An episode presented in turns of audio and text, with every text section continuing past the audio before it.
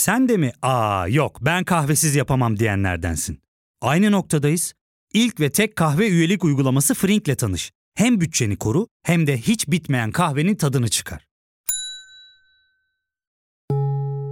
Yakınlarından terapinin onlara ne kadar iyi geldiğini dinlesen de kendin için bir şeylere başlamak zor geliyor olabilir. Ya da sevdiklerine yardım etmeye istekliyken kendi ihtiyaçlarını görebilmek. Hayvel, uzman psikologlarıyla kendi ihtiyaçlarını bulmanda sana destek olacak. Terapi yolculuğuna başlamak için detaylı bilgi bölümün açıklamalarında. Trendspor'dan herkese merhabalar. Bu hafta takımlarımızın Avrupa'da başarılı olduğu ve ilk eleme turlarını geçtikleri hafta oldu. Galatasaray, Fenerbahçe, Beşiktaş ve Adana Demirspor tur atladılar ve biz de bu programda hem temsilcilerimizin performansını konuşacağız hem de Türk futbolunun ön eleme performansını son 25 yılın ön eleme geçmişini biraz değerlendireceğiz. Çünkü burada çok dalgalı gidiyoruz. Türk futbolu biraz performans düşüklüğü yaşıyor gibi. Bunları konuşacağız. Oğulcan'la birlikteyiz. Başlıyoruz.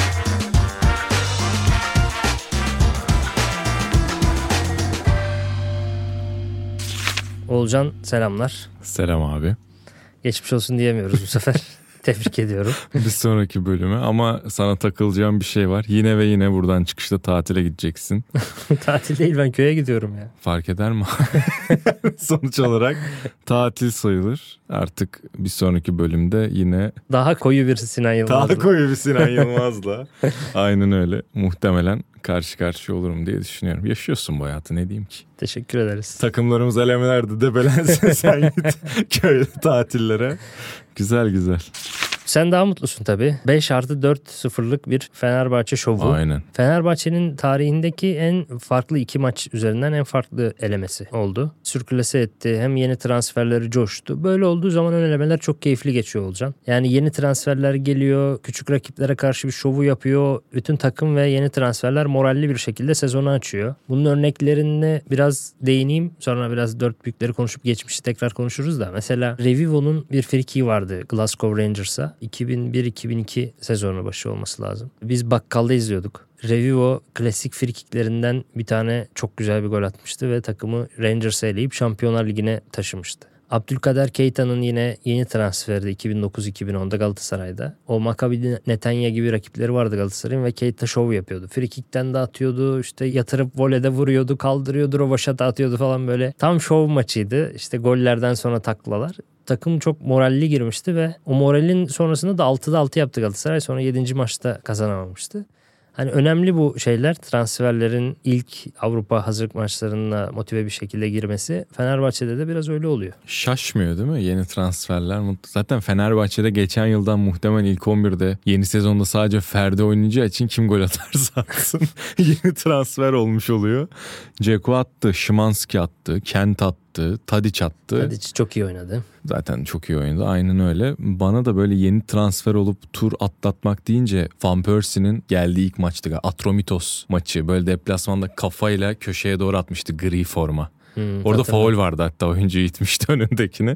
Var olsa muhtemelen tur gitmişti ama yine de orada Van Persie'nin bir golü vardı. Ondan sonra 15-16 sezonunu hatırlıyorsun. Nani falan böyle canavar gibi başlayıp 8. haftadan sonra top oynamamaya başlamıştı takım. Nostaljiye geçmeden bir bugünün performansını biraz değerlendirelim sonra geçelim istersen. Tabii olur.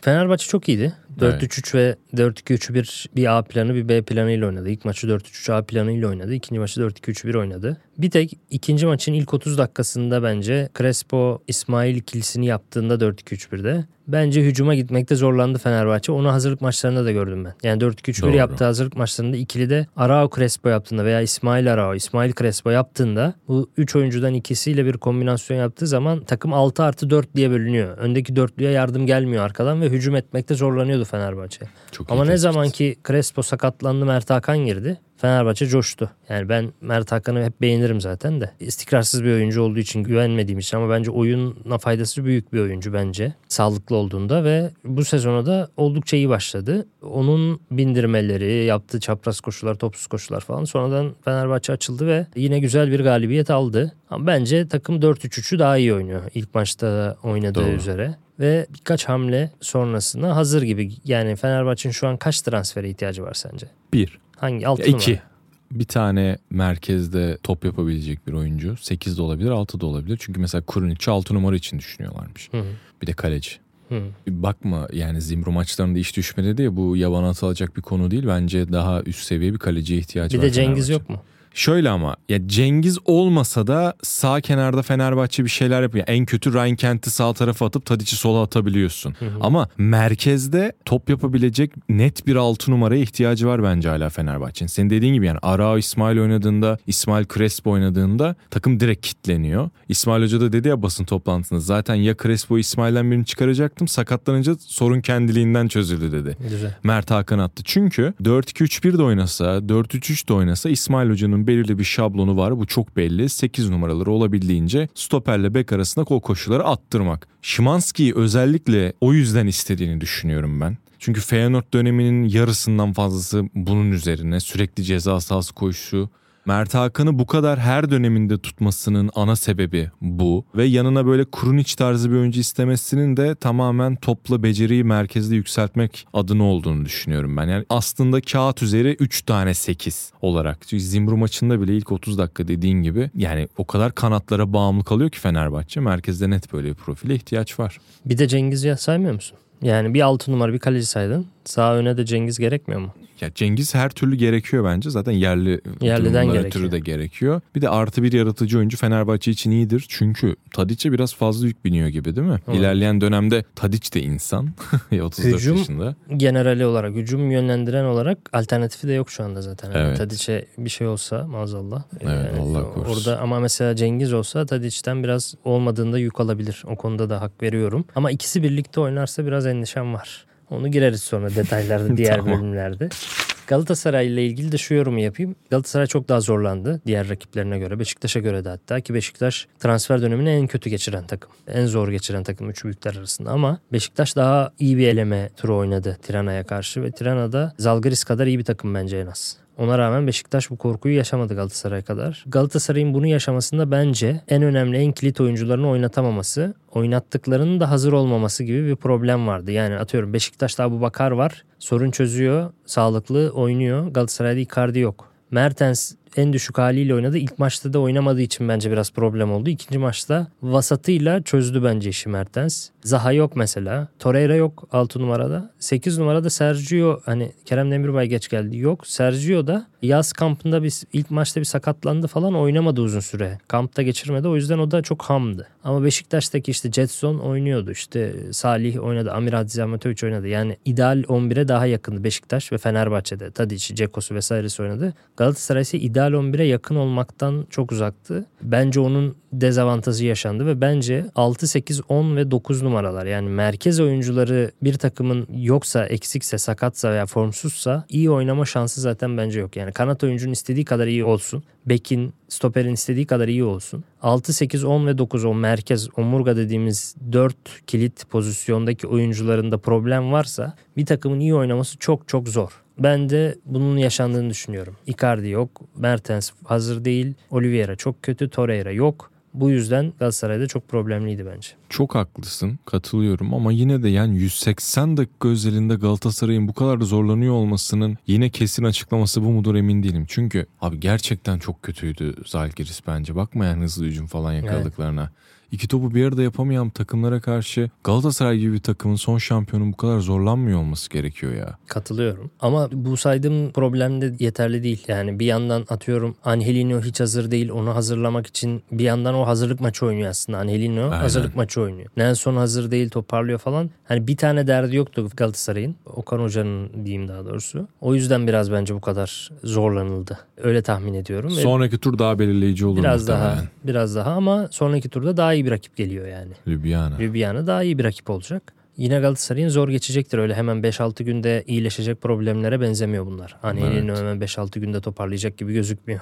Kazımcan'ı falan oynatır belki. Bence Bu oynatmalı da çünkü hazırlık maçlarında iyi, oldukça iyiydi Kazımcan. Fizik olarak hazırdı en azından. Şu Hı hı. maçlara hazırdı yani. Mesela nasıl İsmail fizik olarak hazır. Kalite olarak belki biraz vasat kalabilir ama fizik olarak hazır olunca çok ciddi fayda sağladı değil mi? Yani Kazımcan da öyle bir fayda sağlayabilir yani. Beşiktaş'ın avantajı da bence aslında aynı 11'i koruması bile olabilir biliyor musun? Tabii. İstikrarlı bir yapı. Ya bir de ben bu merkeze bayılıyorum ya. Amir, Getson ve Salih. Çok iyi. Ben hücumda eksik kaldıklarını düşünüyorum. Salih tarafına bir tane daha biraz daha hücumcu bir oyuncu kesinlikle her zaman onu savunuyorum ama yine de çok iyi üçlü. Özellikle yani Getson zaten artık anlatmaya gerek yok da senin de yarın deşmeyelim. ee, Amir Adziametovic hakikaten çok iyi oyuncu. Dün yani. Jetson şöyle bir pozisyonda kızdım. Çok güzel bir savunma arkası koşu attı. Sonra pozisyon sekti işte Onur devam ettirdi kesti. Top tekrar Jetson'da kaldı. Penaltı noktasında Muleka bomboştu. Jetson üstten avuta kötü bir şut attı. Jetson'un bu biraz oyun görüşünü falan geliştirmesi lazım ya. Hep böyle çok yüksek dinamizm, atletizm var ama final işlerini biraz daha artık akıl koyması lazım yani. Biraz gelişim Evet. bekliyorum ondan. Son bir sorum. Şenol Güneş'in Onur Bulut kullanımına ne diyorsun? Yokluktan adam sihir Sağ, yapıyor. sol, orta, sağ bek. İnanılmaz. Çok da gayet görev bilincinde oynuyor. Ben beğeniyorum Onur'u ya. Seviyorum. Disiplinli futbolcu bak her halinden belli. Transfer sürecini bir kenara Bizim koyarsak. Hikmet Hoca'nın da ona çok şey kattığını düşünüyorum açıkçası. Taktik A- esneklik anlatmıştı değil mi? konusunda. Yani hep bahsediyordu zaten Onur'la ilgili. Ama Onur'un söz dinlediğinden de bahsediyordu yani gelişime açık olduğundan bahsediyordu. O taktik esnekliği kazandıran hocalardan biri de bence o. Yani sağ ön, sağ bek vesaire. Kolay adapte oluyor oynadığı pozisyonlara. Son olarak Adana Demir'e de değinelim. Dün akşam yıldızı Younes Belanda. 90 artı 7. İnanılmaz. Ya biri yazmış FIFA'da 1-0 öndeyken zaman geçirmek için yapılan hareketi yaptı diye. Gerçekten oyunda yapılan hareketi yaptı yani. Kol takılı kaldı. Nerede görse tanırım. Görsem Evet. tanırım diye bir tweet gördüm. O da çok iyiydi. Yani Adana Demir adına çok mutluyum. Güzel. Yusuf Sarı'yı iki maçta izleyince şey geçen bir tweet yazdım. Yusuf Sarı Inter Miami'ye transfer olmamış mı? İnanılmaz top oynuyor ya. Bu sağ kanat dokunuşu nedir bu Montella'da ya? Ya ben orada Belhanda katkısı olduğunu da düşünüyorum. İyi oynatıyor Belhanda. Kenar sağ iç oynuyor ya. Hep böyle doğru paslar, doğru ver kaçılar falan. Yusuf'ta bayağı bir ilerleme var yani. Şaka yani. gibi gerçekten. Golden önceki frikikte önce 90. dakikada 3 kişiyi çalmadı. Mesela o pozisyonda 3 kişi birden Yusuf'a vurdu. Üçüncüde düştü ya çocuk. Evet. Üçüne de sarı kart göstermesi lazım. İyi hakem. Doğru. Veriyor bunu. Çok iyi hakemler veriyor. Yani orada bir tane sarı kart olmaz bence. Hakem de kötüydü bu arada dün.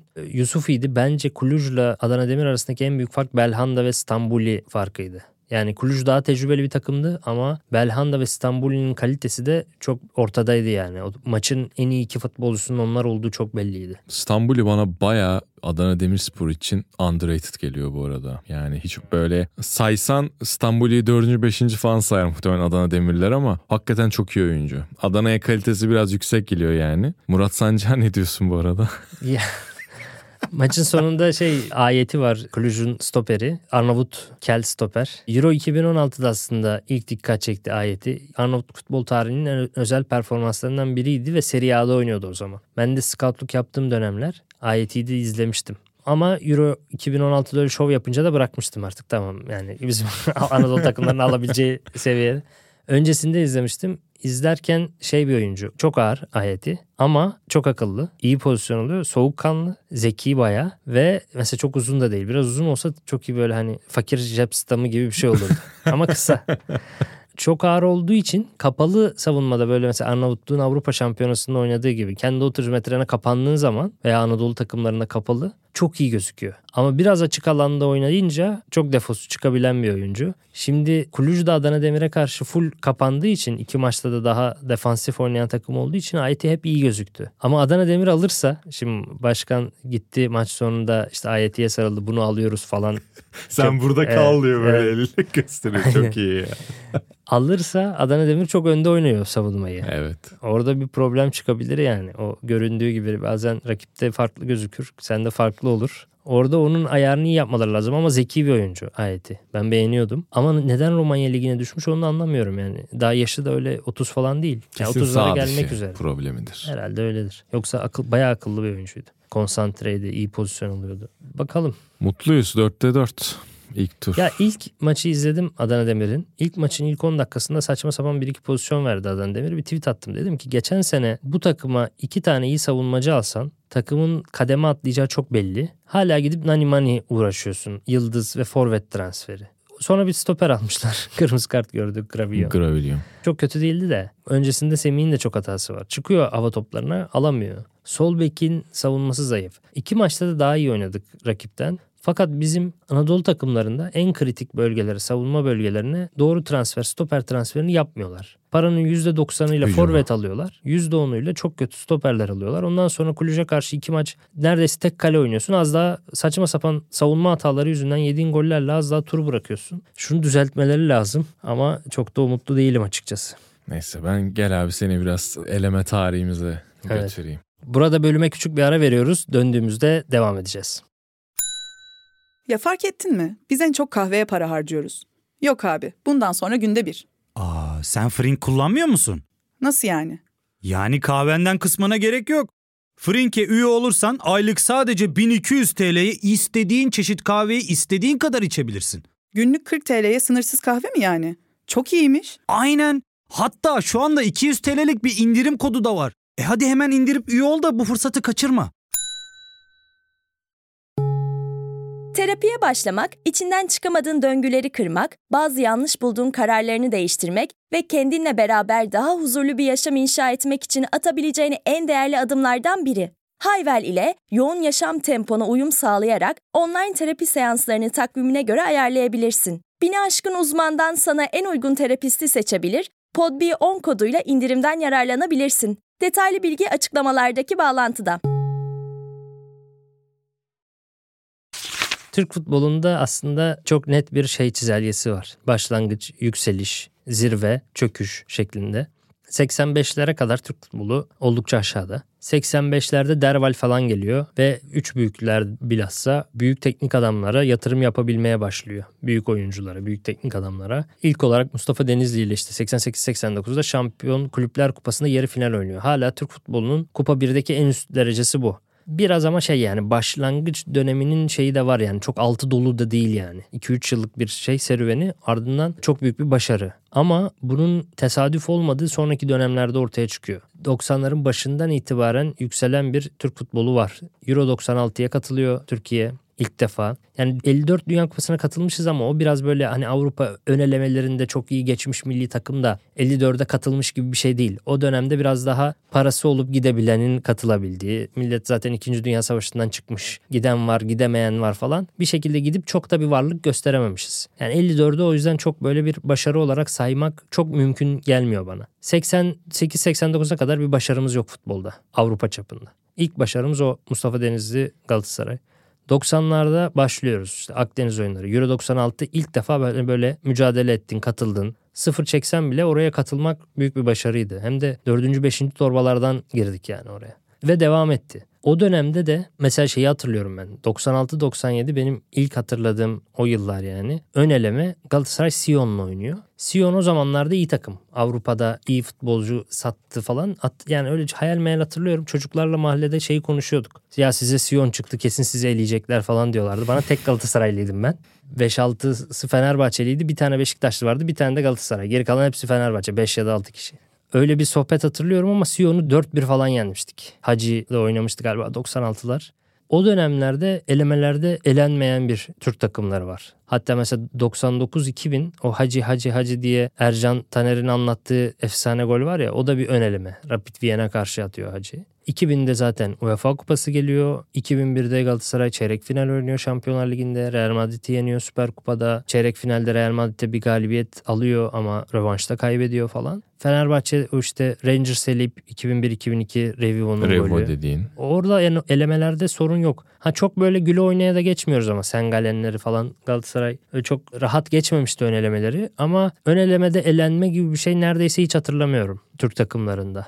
2003'ler, 2004'ler Türk futbolunun artık zirvesi ve düşüşün başladığı yerler. Artık Anadolu takımları bile çok net Avrupa başarıları göstermeye başladı. Denizli Spor Lyon'u eledi. Gaziantepspor Roma'yı yendi UEFA Kupası'nda o zamanki adıyla. Ve Gençler Birliği de Sporting Lisbon'u eleyip Valencia galiba kupayı aldı. Valencia'ya elendi son 16'da. Bu Ersun Yanal'ın çalıştırdığı dönem mi? Öyle hatırlıyorum evet. Evet. Denizli, Gaziantep, Gençler Birliği bu takımlar 2003-2004'lere yani artık Türk futbolunun zirvesi buydu. Ve Türk futbolunda o dönemde herhalde 4 veya 5 yabancı falan vardı.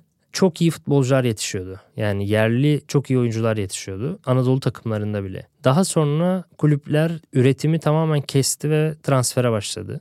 Ve o transferlerin de ben doğru yapılmadığını düşünüyorum. Yani mantık olarak doğru değil, ilişki ve iyi niyet olarak da doğru yapılmadı. Yani bazı yöneticileri zengin eden transferler oldu. 2003-2004'ten sonra da artık senin hatırladığın dönemle birlikte de 2005-2006 ile birlikte de çok hızlı bir düşüş dönemi. Herkes de çok şaşkın uğradı. Bak 2005-2006'da Anorthosis Famagusta'ya elendi Trabzonspor. Hatırlıyorum işte üniversite öncesi falan benim üniversiteye gittiğim yıl galiba ya da bir önceki yıl. Çok iyi hatırlıyorum. Anorthosis Kıbrıs takımı ve oyuncuları aynı zamanda takım teknik direktörüydü. Kel bir altı numaraydı. Ama ya çok da karizmatik bir adamdı. Adını hatırlayamıyorum ama adam kendini oyuna sokuyordu. Takımın en iyi futbolcusu aynı zamanda teknik direktör gibi falan böyle ve elemişlerdi Trabzonspor'u. Çok iyi. Galatasaray'ın da Tromsø faciasının Aynı sene. çok 2005 çirkin 16. bir zemin vardı değil mi? Çamurlu Tromsø'de. falan. Çamurlu Evet. o şey eleme. Hatırladığım ilk maçı deplasmanda oynadı. İkinci, ikinci maç Ali Samiyen. Yani o zaman zemin falan da mazeret değil. Yani Ali Samiyen'de de tur geçilememişti yani. Evet. Hadi çamurda kaybettin diyelim ama içeride de kazanamamıştı. Bu arada aynı senede dramatik elenmeler çok çarpıcı bir şekilde var. Yani garip bir şekilde mesela o 2005-6'da hem Trabzon hem Galatasaray kaybederken Tromsø ve hı. 2010-11'de de Fenerbahçe hem Young Boys'a hem PAOK'a kaybediyor. Galatasaray'da Karpati Lviv'e kaybediyor. Yani iki takım birden Avrupa'dan çok böyle sürpriz elenmelerini görüyoruz 10-11 sezonunda. Henry Bienveni'nin Fenerbahçe şov yaptığı Evet. eşleşme zaten. Ondan Evet. sonra da transfer oldu. Bak Belgrad eşleşmesini hiç hatırlamıyorum Galatasaray ama Karpati Lviv'i çok net hatırlıyorum. İlk geçtiği turla ilgili hiçbir şeyim yok. Bu tip aynı sene olanlardan bir tanesi daha yine Galatasaray Fenerbahçe el ele iki kardeş kulüp. biri Östersund'a eleniyor biri de Vardar'a eleniyor. Vardar çok büyük olay olmuştu Fenerbahçe'lerde hatırlıyorum ya. Galatasaray'da da Östersund'da. UEFA 256.sıydı o dönemde Vardar. Hatta yeni girmeden de konuştuk. Serdar Çelikler'in inanılmaz bir konuşması var. Meşhur Kırmızı Çizgi programında. Ama ne başkanı kardeşim? Ne Ozan'ı ya? Ne Josef'i ya? Ya bu Vardar kardeşim. Vardar, Vardar. Vardar. UEFA'da 255. sırada. 5 pas üst üste bir kere yapabildiler ve sen bu takımdan oley yedin, oley. Oley yedin ya. Ya utan yerin dibine gir. Sen nasıl Fenerlisin Aykut Kocaman ya? Ve o dönem şey çok acıydı. Yani Fenerbahçe rezalet oynamıştı. Öyle böyle rezaletti. Benim gördüğüm en kötü Fenerbahçe oyunlarından biri olabilir o dönem gerçekten. Teknik direktörleri Fenerbahçe'nin yana pas dışında hiçbir şey yapmadığını biliyorduk. Bu yüzden onlara önlem almamız çok kolay diye bir açıklama yapmıştı o maç sonunda. Çok ağır açıklama gerçekten. On- onun üzerine zaten Aykut Kocaman'a çok fazla yüklenilmişti. Çok sert açıklama yani. Ve rakip hocana karşı da çok küçümseyici, çok aşağılayıcı bir Evet. ayıp etmiş adam. tek tip oyunları var üzerine bunu söylemişti. Ve o gün hani sitede hatırlıyorum korkunçtu. Östersund'da Tudor'un Galatasaray'ı elemişti ve Galatasaray o yaz bir sürü transfer yapmıştı hatırlarsın. Badu Evet. Endiaye'si, Belhanda'sı, Fegulli'si, işte Maikon'u bütün oyuncular o sene gelmişti ve hazır değildi gelenlerin çoğu da ve Östersund'da o ana kadar ismi bilinmiyordu ama hem hocası çok büyük bir hoca oldu sonra. Graham Potter. Hem de İranlı Godoş diye bir futbolcuları vardı. Sonra o da büyük takımlarda oynadı diye hatırlıyorum. O elemede de bayağı iyi oynamıştı. Beşiktaş'ın ön elemeleriyle ilgili aklımda çok fazla şey kalmadı ama bir ön elemesi var ki adamların çok şanssızlık. Arsenal çıktı abi ön elemede Beşiktaş. yani nasıl bir seçimse yani. Fenerbahçe olmalıydı normalde aslında. nasıl nasıl çektiniz abi Arsenal'i? Ve Arsenal'i çok zorlamıştı Slaven Bilic'in Beşiktaş'ı. İlk maç 0-0, ikinci maçta 1-0'la elenmiştik ama gerçekten sonuna kadar zorlamıştık. Ben o senenin hatta biraz o elemeler o kadar zorlu geçti ki Beşiktaş adına. Daha sonra Liverpool'u da var Beşiktaş'ın. evet. Aynı sezon olması lazım. O daha Arsenal'le başlayıp o kadar sert ve çok maçlı bir sezon oldu ki Beşiktaş adına o sene. Bilic Nisan-Mayıs ayından sonra Beşiktaş çöktü abi. O sene küme düşen Balıkesir'e falan kaybettiler diye hatırlıyorum. Son 1-2 ayda takım bitti ve zirvedeyken geriye düştüler. Şampiyon da olamadılar. O zaman işte Bilic'e takımı taşıyamadı işte ağırlığını taşıyamadı falan diyorlardı ama bence esas Beşiktaş tam sezonun fiziksel ağırlığını taşıyamadı. Sezon başı o Arsenal'lerle falan oynayan çatır çatır fizik güç oynayan takımın Nisan ayında işte Balıkesir'e koşacak hali kalmamıştı ve son 1-2 aydaki düşüşle de Beşiktaş şampiyonluktan olmuştu o sene. Bu arada Godoş Premier Lig'de. Brentford'da. Doğrudur. 3 sezondur Brentford'da oynuyormuş. Hocası da Premier Lig yaptı. Godoş da Premier Lig yaptı. Evet. Bir de Astana'da çok iyi bir oyuncu vardı. Siyahi. Hatırladın mı o eşleşmeyi? Evet Galatasaray'ın. Galatasaray. Oradan da iyi bir oyuncu çıkmıştı. Astana ile ilgili esas şöyle bir şey var. Şampiyonlar Ligi grubundaydı. Astana, Evet. Atletico Madrid, Benfica, Galatasaray. 2015-16. Dursun Özbey'in ilk senesi başkanlığında. Benfica maçından çıkıyor Galatasaray. Kazanıyor galiba içeride 2-1. Basın mensuplarına Dursun Özbek işte röportaj veriyor. Çok mutlu. Benfica'yı yenmiş 2-1 falan. Atletico Madrid Astana maçı ne oldu diye soruyor adam. Basın mensupları 4-0 diyor. Dursun Özbek kim aldı diye soruyor. evet evet. Dursun Özbey'in o röportajında Salim Manan falan olsaydı şey derdi herhalde. Aslan aldı başkanım falan diye trolleyip. Dursun Özbek'le alakalı bir şey anlatılınca hep aklıma diğer farklı şeyler geliyor. Cim bom bom bir kürsüden bağırması. Bir, iki, üç. Cimbombo! Cizdan sallaması. İnanmayan metrobüse binmesin mi ne vardı? Arkadaşlar galibiyete inanarak gidiyoruz oraya. Galibiyete inanmayan kişi varsa otobüse binmesin. Yeni duydum. Sucuk ekmek muhabbeti falan var. Ya çok nevi şahsına münasır bir Kesinlikle. adam ya gerçekten. Bu arada çok alakası olacak ama nevi şahsına münasır demişken. Kerem Demirbay'ın gelişine ne diyorsun ya? Çok iyi. O da çok iyi. Onu O da, konuşuruz tre- o da beyler. trend. O da trend. Onu da konuşalım. Mükemmel bir adam. İnanılmaz da bir transfer açıklaması bu arada. Yani gerçekten sanki doğduğundan beri bunu oynamak için bu transfer açıklamasını beklermişçesine oynamış ya. O Seyrantepe metro istasyon tabelasının önünde stada doğru böyle sağ yukarı bir çok iyi bakışı var. oynamış evet. Nefis. Nefis yani bak. Söyleme. Bir benim reklam çekimlerim bu kadar iyi. bir de Kerem Demirbay. Bu konuda üstüne yok evet. Bak Ön elemeler deyince aklıma hep şey geliyor. Ben hep böyle köyde veya tatilde Erik'te falan oluyorum ya. Tam böyle Temmuz Ağustos ayları. Hafif hava kararıyor. Saat akşam 8. Ben en sevdiğim meşrubatla birlikte söylememe gerek yok. Çay bahçesinde. söyler misin meşrubat abi? Trakya'da en çok içilen diyeyim de sen Ha, anlarsın. iyi meşrubat. Evet. Yani bizde Türkiye'de meşrubat deyince Karadeniz'de içilen söyleniyor. Trakya'da farklı bir şey içiliyor. Bu arada gelmesini içtim o meşrubatın. 3 saat falan göremedim herhalde. Yok ben öyle toplara girmiyorum. Lezzetli meşrubat evet afiyet olsun. Teşekkür ederiz. Onunla birlikte bu izlediğim ön elemeler hep çok keyifli geçmiştir. Mesela Dünya Kupaları hep böyle çay bahçesi, deniz kenarında, mis gibi ortam. Hava kararıyor yeni yeni sıcak. Çok güzel oluyor. Şeyi de mesela 2008-9 sezonunu hatırlarım. Feldkamp gelmişti. Lincoln yapmış Galatasaray transfer. Geri kalan hiçbir transfer çok önemli değil. Bir tek Lincoln'i. Geri kalan işte Bundesliga 2'den Serkan Çalıklar, Barış Özbekler falan. Oturuyorum Lincoln'u izleyeceğim diye Feldkamp oynatmıyor Lincoln'u. Barış Özbek, Mustafa Sarp izliyoruz. Bir sonraki hazırlık maçı tam oturuyorum yine Lincoln'u oynamıyor. Abi Lincoln'u Süper Lig başlayana kadar oynatmadı adam hazırlık maçında. İnat etmiş gibi. Niye acaba? Hazır olmadığını falan söylüyor ve sakladığını yani onu koruduğunu falan söylüyordu basın toplantılarında. Hani soruyorlardı hocam niye oynatmıyorsun Lincoln'u diye. Hazır değil daha falan diyordu. Antrenmanda hazırlayıp öyle oynatacağım falan diyordu. Şimdi burada elenmeleri konuşuyoruz ya bu arada. Galatasaray'da Şampiyonlar Ligi grupları için ön eleme oynarken hiç yakın zamanda ön eleme geçip Şampiyonlar Ligi grubuna kalan bir temsilcimizi hatırlıyor musun? Yakın zamanda hatırlamıyorum. Ant'tan yardım aldık. 2008-2009 Fenerbahçe. Bu arada herkes Fenerbahçe çok uzun süredir Şampiyonlar Ligi'nde oynamadığı için maalesef. Herkes son çeyrek final senesi diye hatırlıyor ama aslında o arada bir 2008-2009 var. Doğru. Ama ben o dönem şeyle girdiğimizi hatırlamıyordum. Ön elemeyle girildiğini hatırlamıyordum. Porto'nun olduğu, Guiza'nın da gol attığı bir ben sezondu. de hiç hatırlamıyorum. Arsenal 2008-2009. vardı galiba. Evet Arsenal, Porto, Dinamo Kiev. Arsenal'de şeyden hatırladım. Çanakkale'de yine bir denize karşı bir Yeter yerde be adam ya. izlemiştim Arsenal maçını. 6-2 mi bitmişti neydi ya? Evet şey 5-6'lık bir skor vardı. 6-2. Antine geliyor galiba şey. Aynen 6-2 ve yine Trakya'nın ünlü meşrubatıyla Arsenal Fenerbahçe maçı keyifliydi. Hep gol oluyordu. Ben de biraz meşrubattan fazla içmiştim. Bayağı keyifli izleniyordu yani. Ya da go- gol olduğunu sanıyordun. Kafayı kaldırıyorum aa gol olmuş tamam falan böyle. Ama şeyi Güzel. takdir ediyorum bak abi. Sen burada gençliğine de kimi zaman dem vuruyorsun. Hep hayat istikrarın var bak. Bunu herkes yapamaz ha. Ne açıdan meşrubat Samimi konusu. Hayır canım. sen Allah'ım yani her şeyi meşrubata getiriyorsun. Hani hep bu tatil Demek ki sen hayatın boyunca tüm yazlarını kavruk bir tenle Fed olmayayım oğlum ben ne alakası var?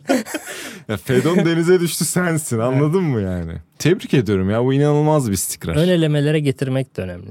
O maçlara falan. Yani o anılar hep futbolla biriktiriyorum onları. Mesela 2006 Dünya Kupası finalini Zidane kafa falan atmıştı ya. O da yine böyle bir ortam. Bu bu tip böyle Dünya Kupaları, Avrupa Şampiyonaları, ön elemeler falan. Gündüz denizde yüz, akşam böyle maçı izle, çay bahçesi. O güzel oluyor. İlhan Mansız'ın Senegal golünde neredeydin? Ha belki yine Yok o zaman okul mokul ya. doğru ya sabahtı bir de o ya. Evet. Ama bak ben okula gitmiyordum hatırlıyorum. Meşale yakmıştı. Senegal'de önümde. okul bitmişti. Yani grupta ilk Brezilya maçında okul vardı. Mayıs Hmm. Haziran başları ya. Senegal çeyrek final yarı final dönemleri olduğu için okul bitmişti o zaman. Mahallede çocuklarla falan izliyorduk. herhalde. Hayret tatile gitmemişsin. Evet, o, o zaman küçüktük. 16 yaşında başladım ben çadır alıp gitmeye. Yani 2004 5 Şu an kaç yaşındasın? 35. Tamam bak 20 senelik bir istikrar. Evet. 19-20 sene. Bakalım yaz senin için nasıl sürecek? Ben de Fenerbahçe transferleri kadar merak ediyorum. Acaba haftaya buraya geldiğimizde ya nereden gelmiş olacaksın ya da nereye gideceksin? Bir önceki sefer bir buçuk saat beklettin beni otobüsten indim diye. Şimdi çantanla gelmişsin yine gidiyorum diye. Sürprizlerle de olsun. Eyvallah. Özendiriyorum sizi. evet yok abi biz çalışıyoruz biz devam. Bir, bir hafta bize Çalışın tatil. gençsiniz. Aynen bize bir hafta tatil. Ee, Biz Antalya'nın kokusunu aldık geldik. Güzel. Bakalım. Ağzına sağlık. Senin de abi. Teşekkürler. Haftaya Süper Lig başlıyor. Süper Lig'in başlangıç bölümünü yaparız. Yine Süper Lig'de unutulmaz ilk hafta maçları. Hemen İstanbulspor Fenerbahçe maçı geldi aklıma bak söyler söylemez. Benim ne geliyor biliyor musun? Balili aşırtma Enke. Rahmetli. Hakikaten ne sansasyonel bir maçtı o ya. Yordanov atmıştı iki tane de galiba. Evet. Benim de tabii şampiyonluk hasretimiz olduğundan dolayı en hype girdiğim sezon maçı. Sence hangisi? Çok yakın bir dönem. Jesus'la geçen sene. 5-0'lık Gaziantep maçını hatırlıyor musun? Vedat Muriç göğsüyle Ha, evet, kontrol çok edip güzeldi. çat diye. Stat'taydım ben. Çok güzeldi. O maç var ya ben inanılmaz hype'landım. Evet. Ya dedim o Fenerbahçe geliyor falan. Müthişti gerçekten. Vedat'ın o golü de hakikaten Ben stat'taydım. Çok iyiydi Fenerbahçe. çok çok iyiydi. Ama sonra 21. haftada Alanya Spor maçıyla şey bitti. Takım tepe taklak oldu. Evet. 9 maç mı üstü kazanamamıştı Fenerbahçe. Neyse benim de sezon açılışı deyince. Çünkü bak o maçta niye biliyor musun? Bir de şey vardı. Fenerbahçe gol attıkça bir maçlık falan yaptı galiba onu kulüp. Alev çıkıyordu kalenin arkasına hatırlıyor musun? Altay'ın da meşhur bir fotoğrafı var böyle. Derbilerde yapıyordunuz onu hep. Geçen yıllarda. Yani 2005, 6'lar, 7'ler falan. Biz her derbide o cehennemi hissediyorduk yani. O alev dönem- malev fışkırıyordu. O dönem bir de şey vardı bak o psikolojik üstünlük. Tam kulübe şeylerin tünelin çıkışındaki şişme kanaryayı hatırlıyor musun? Ondan çok korkulur gerçekten. Her Galatasaraylı arkadaşım ulan gösterme bana bunu falan der yani o kadar korkulurdu ondan. Biraz komik bir korku ama. Senelerdir Şey gibi. anlamam zaten. Niye boğa değil bu kulübün şeyi? Logosu. ya, ya da yani. kanarya olabilir sempatik bir hayvan. Onu sinirli göstermeye gerek yok yani. Yani Ben nasıl saldırayım bir şekilde. Diye bir şey var. Onu Caps çok var ya. güçlü kaslı bir kanarya yapmaya gerek yok yani. Evet. Zarafet simgesi olarak kullan. Çünkü öyle kullanmışsın işte. Cihat Arman'dan geliyor. Hani adam uçuyor müthiş refleks falan gibilerinden. Kanarya gibi uçuyor üzerine çıkmış bir şey. Hani aslında bir zarafet, bir yetenek işi. Onu agresif yapmaya gerek yok yani. İkinci bir logo gibi belki boğa kullanılabilir. Agresiflik Kesin gerektiği zaman boğayı lazım. kullanmak. Zarafet gerektiği zaman kanaryayı kullanmak daha mantıklı olabilir bence de. Neyse Galatasaray bu konuda şanslı. Evet. İyi oturmuş. Bizde zarafetin simgesi ne? Yok. Öyle. Gerek yok öyle bir şey. Efendiliğe gerek yok gibi. Efendilik arayan isteyen kanarya. Beyaz şov izlesin. şey izlesin. Evet. Evet. Ağzına sağlık abi. Sağ ol senin de. Haftaya Süper Lig'in başlangıç bölümüyle karşınızda olacağız. Dinlediğiniz için teşekkürler. Hoşçakalın. Hoşçakalın.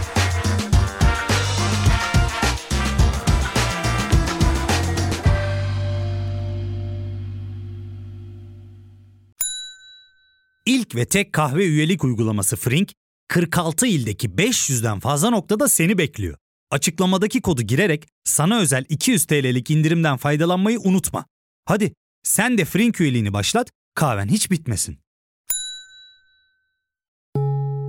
Hem bugününe hem yarınına katacaklarıyla terapi yolculuğuna ve daha iyi hissetmeye bugün Hayvel ile başla. Açıklamadaki linkten Hayvel'i indir, ücretsiz tanışma görüşmelerinin ardından bütçene uygun seans paketini seç ve terapi yolculuğuna başla.